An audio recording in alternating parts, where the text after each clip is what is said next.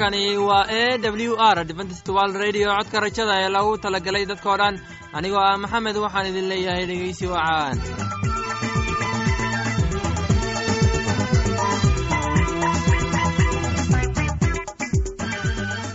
barnaamijyadeena maanta waa laba qaybood. Qaybta koowaad waxaad ku maqli doontaan barnaamijka caafimaadka. Oo inoo soo jeedinaya shiino kadib waxaa inoo raacaya cashar inaga imaanaya bugga nolosha uu inoo soo jeedinaya cabdi maxamed. Labadaasii barnaamij ee xiisaha leh waxaa inoo dheeraysa daabacsan oo aynu idiin soo xullay kuwaas aynu filayno inaad ka heli doontaan. Dhegeystayaasheenna qiimaha iyo khadradda lahu waxaynu kaa codsanayna inaad barnaamijkeena si aboon u dhegeysataan. Haddii aad wax su'aalaha qabto ama adaysid wax tala ama tusaale fadlan inala soo xiriir dib ayaynu kaaga sheegi doonaa ciwaankeenna bal intaynan udu gulagelin barnaamijyada xiisaha leh waxaad marka hore ku soo dhowaataan heestan daabacsan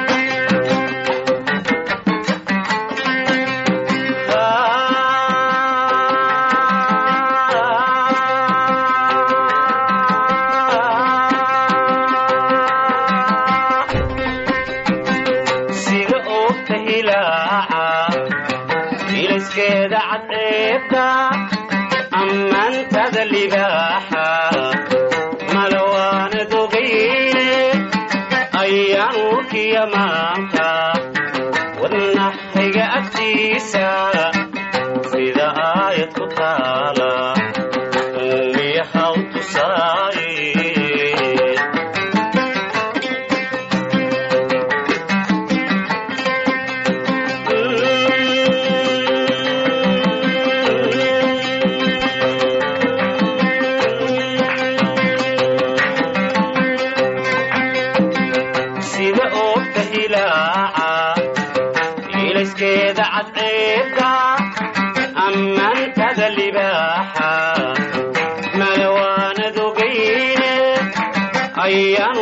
kiyamaanka wadnaxayga agtiisa sida aayad ku taala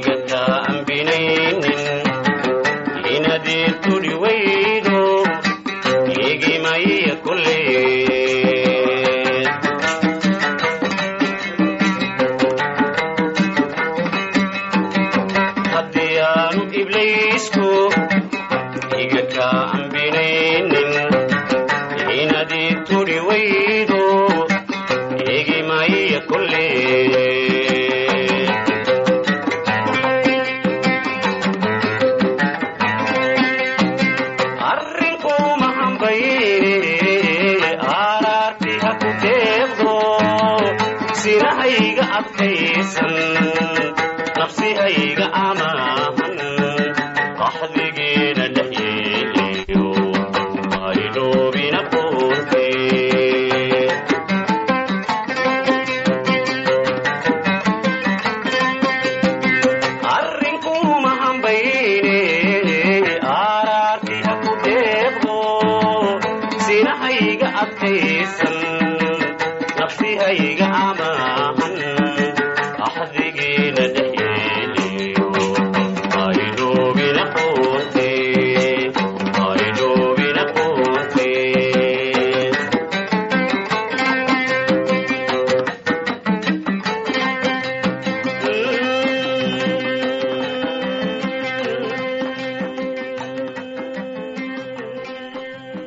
barnaamijkeena caafimaadka waa mid muhiim ah. Waxaan rajaynayaa inaad ka faa'iidaysan doontaan barnaamijkaasi. Barnaamijku wuxuu ka hadli doonaa bukaanada dhiigga ee jeermiska keena. Waxaana inoo soo jeedinaya shiino ee dhegeysi wacaan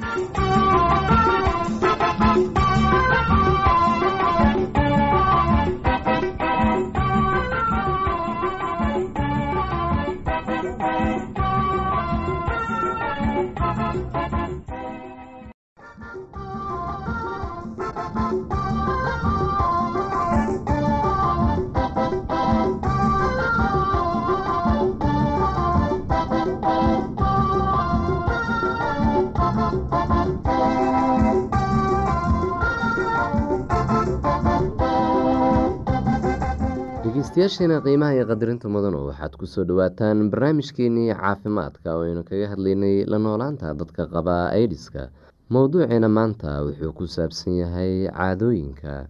Caadooyinka dhaqanka ah qaarkood waxay noqdeen halis h i v-ga awgiis. Caado kasta oo abuuri karta in lala yeesho galmood hal qof wixii ka badan waa halis. Caado kasta oo kalifi karta in la wadaago waxyaabaha ay ka mid yihiin mindida sakiinta iyo wixii la mid ah iyaguna waa halis. Caadooyinka halista ah waxaa ka mid ah xaas qaybsasho iyo dumaasha. Gudniinka la isticmaalo mindiyo ama sakiimo aan jeermi laga safayn. Toobid la isticmaalo mindiyo ama sakiimo aan jeermi iyagana laga safayn. Ma ogaan kartid kan qaba h i v h i v waa laga helaa tuulooyinka iyo magaalooyinka. Haddaba waxaa badbaado ah in la diido caadooyinkaas aan soo sheegnay. Dadka qaarkiis waxay aaminsan yihiin in koodii xanuunka soo horrido inuu yahay kan infekshanku ku hordhacay arrintani ma aha run haweenka ayuu xanuunku soo horridaa maxaa wacay uurka wuxuu iyagu ka dhigaa daciif. Tani micnaheeda ma aha inuu iyaga infekshanku ku hordhacay runtii waa dabiici in laga fikiro qofka keenay infekshanka h i v-ga laakiinse ka hadalkiisa iyo ka fikirkiisaba badi wuxuu sababaa xanuun badan. Waxaa caawimo badan leh in la is-saamaxo in la is-taageero in mustaqbalka la qorsheysto inaad caruurtiina daryeeshaan iyo inaad farxad ku wada noolaataan maalmaha nolosha idinkaga harsan. Dadka qaba h i v ama idis qaarkood waxay rabaan inay ku laabtaan deegaankooda. Waxaa laga yaabaa inay ka heli karaan cunto wanaagsan qoyskooda ballaarani wuxuu u suurtagelin daryeelid dheeri ah oo aysan ka heli karin marka ay magaalo joogaan. Laakiinse dadka qaba h i v ama idiska qaarkood ma rabaan inay dib ugu noqdaan tuulooyinkooda waayo qaraabadooda tuulada ku nool ayaa sabool ahaan kara. Dadka qaba h i v ama idis waa in loo fasaxo inay iyaga ahaantooda gaaraan go'aan hadday u laaban lahaayeen tuulada iyo haddii kaleba. Aada ayay u wanaagsan tahay haddii iyagu go'aansadaan. Inta ay ahaan lahayd go'aan ka yimid nimankooda hadday dumar la qabo yihiin. Derisyadu waa u gargaari karaan qoys idis qaba laanqeyrta cas dumarka dhalinyarada iyo kuwa isku bahaystay diinta waxay ku dhaqaaqi karaan inay caawimo u geystaan dadka qaba h i v-ga ama idiska maxay sameyn karaan dadka gargaaraya? Biyey soo aroori karaan suuqay aadi karaan cunto ayay karin karaan ilmaha ayay u daryeeri karaan guryahay ka nadiifin karaan dharkana way u meyri karaan. Qoyska ayaan waqti ay la qaadan karaan. Siday u badan tahay tani waa arinta ugu muhiimsan oo ay sameyn karaan. Dadaalkeena wuxuu dareensiin doonaa inay weli yihiin qeyb ka mid ah bulshadeena. Waa wanaagsan tahay marka bulshada ugu hadlaan idiska si xor ah oo aan cuqdad ku jirin sida looga hadlo cudurrada kale dadka rabaa inay si xaasnimo ah wax u xantaan. Waxay markaas kadib ahaan doonaan kuwa takoorma oo waxay sheegaan waaya xusuuso maanta waa aniga beritana waa qof kale. Sidaa waxaa yidhi abwaankii fili bongeli lutaya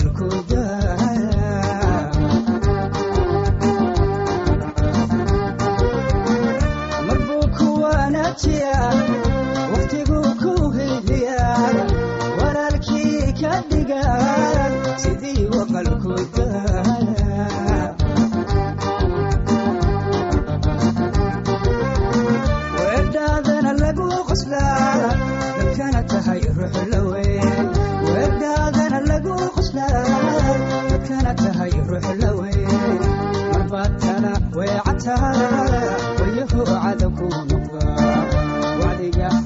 ku dhalaa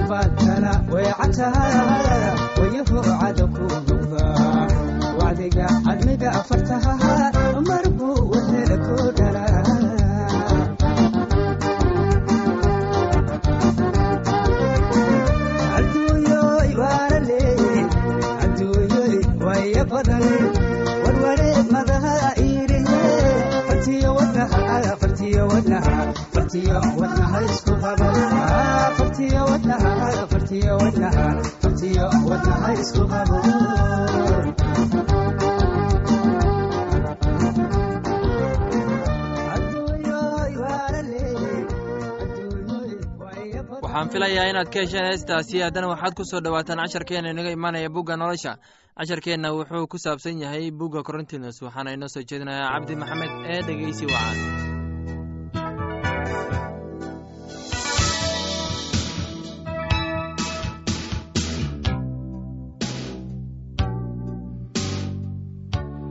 dhegeystayaal weli waxaan ku jirnaa buuggii korintos waayo waa rabbiga kan i xukuma taa aawadeed wakhtiga hortiisa waxba ha xukumina ilaa rabbiga imaanayo kan waxyaalaha qarsoon ee gudcurka iftiimin doona ama muujin doona tashiyada qalbiga oo markaas nin kastaaba wuxuu ammaantiisa ka heli doonaa ilaah. Walaalayaalow waxyaalahan ayaan aawadiin u soo qaaday qudhayda oo abolosna inaad xaggayga ka barataan iyadaynan ka gudbin waxyaalaha qoran oo aan midkiina midka kale u faanin waayo yaa ka soocay maxaad haysataa oo aanad helin laakiin haddaad heshay bal maxaad u faanaysaa sidii adigoo aan helin.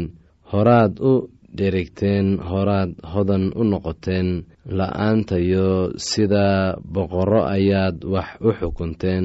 Waan jeclaan lahaa inaad wax u xukuntaan inaannu annagu wax idinla xukunno waayo waxaan u malaynayaa in ilaah na soo saaray annagoo ah rasuulladii ugu dambeeyey sida kuwa dhimashada lagu xukumayo oo kale. Maxaa yeelay wax la daawado ayaa nalooga dhigay dunida iyo malaa'igaha oo dadkaba. Annaga waxaannu nahay addoomihii rabbiga aawadiis. Idinkuse caqli baad ku leedihiin xagga rabbiga. Annagu waa xoog daran nahay idinkuse waad xoog badan tihiin idinku ammaan baad leedihiin annagasu waan maamuus la'nahay. Tan iyo saacaddan waan gaajaysannahay waanan hadhaadsannahay waanan aradannahay waanala garaacay oo meel aan ku hoyano ma lihin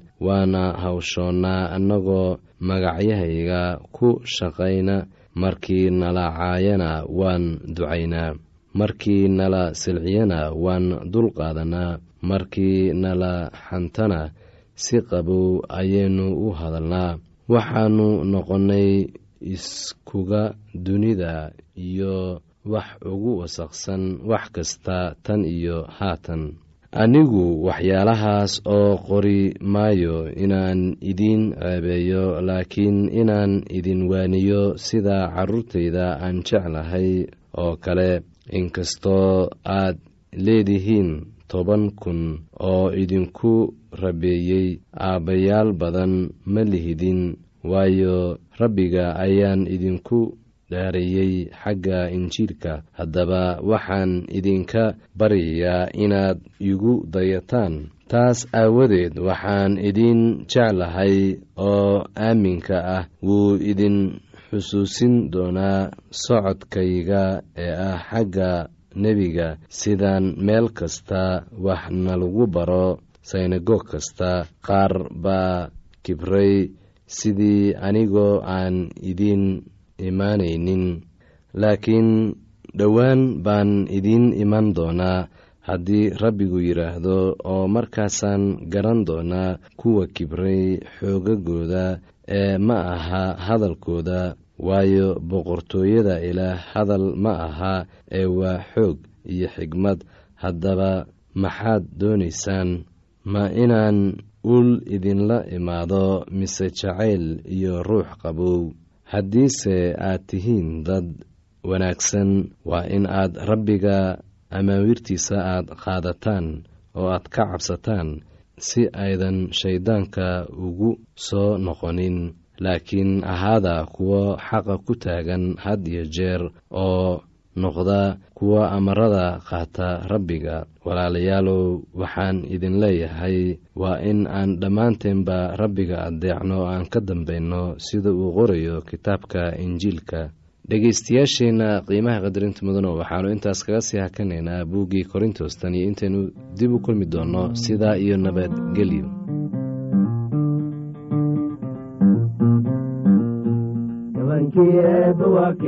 guusharaacdo gabankii eebba waa kay guusharaacdo gacmaalo hoosan waa guulayni jabkii aan galay bugusa iska saaro gacmaalo hoorsana waa guulayni gabankii eebba waa kay guusharaacdo gabankii eebba waa kay guusharaacdo gacmaalo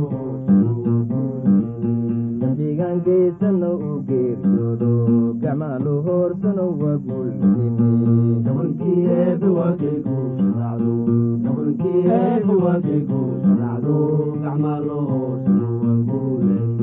gacmaa iyo gundahaba waa laga mudmaaro gacmaalo hoorsana waa guulayni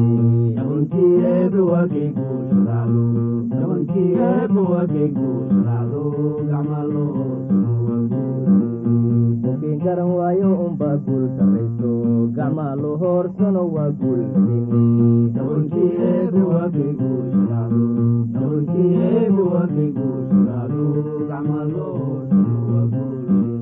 waynaan ka coshanno un garannoon amana gacmaalo hoorsana waa guulayni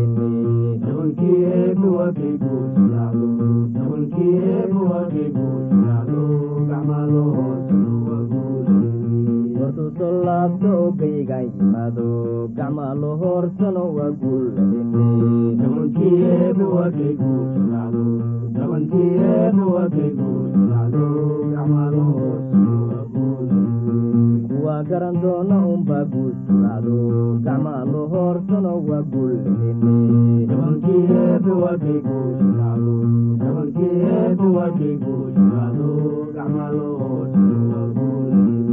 dastuurkii aakhiru noo noqon waa guulayni gabankii eebba waa kay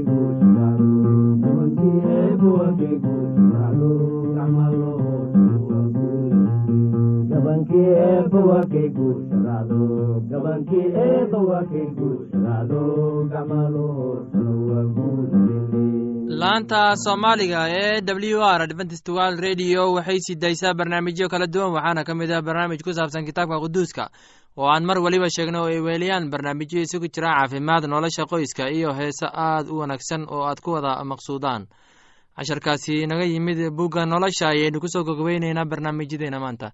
Halkaad inagala socoteen waa laanta afka soomaaliga ee codka rajada ee lagu talagalay dadkao dhan. Haddaba haddii aad doonayso inaad wax korsato barnaamijka caafimaadka barnaamijka nolosha qoyska ama aad doonayso inaad wax ka barato bugga nolosha fadlan inala soo xiriir ciwaankeenna waa codka rajada sanduuqa boostada afar laba laba todoba lix nairobi kenya. Mar labaad ciwaankeenna waa codka rajada sanduuqa boostada afar laba laba todoba lix nairobi kenya. Waxaa kaloo inagala soo xiriiri kartaan emailka somali e w r at yahu dt com. Mar labaad emailka waa somali e w r at yahu dt com. Dhegeystayaashana qiimaha iyo khadradda lahow meel kasta aad joogtaan intaa mar kale hawada dib ugu kulmayno. Anigoo ah maxamed waxaan idin leeyahay sidaas iyo nabadgelyo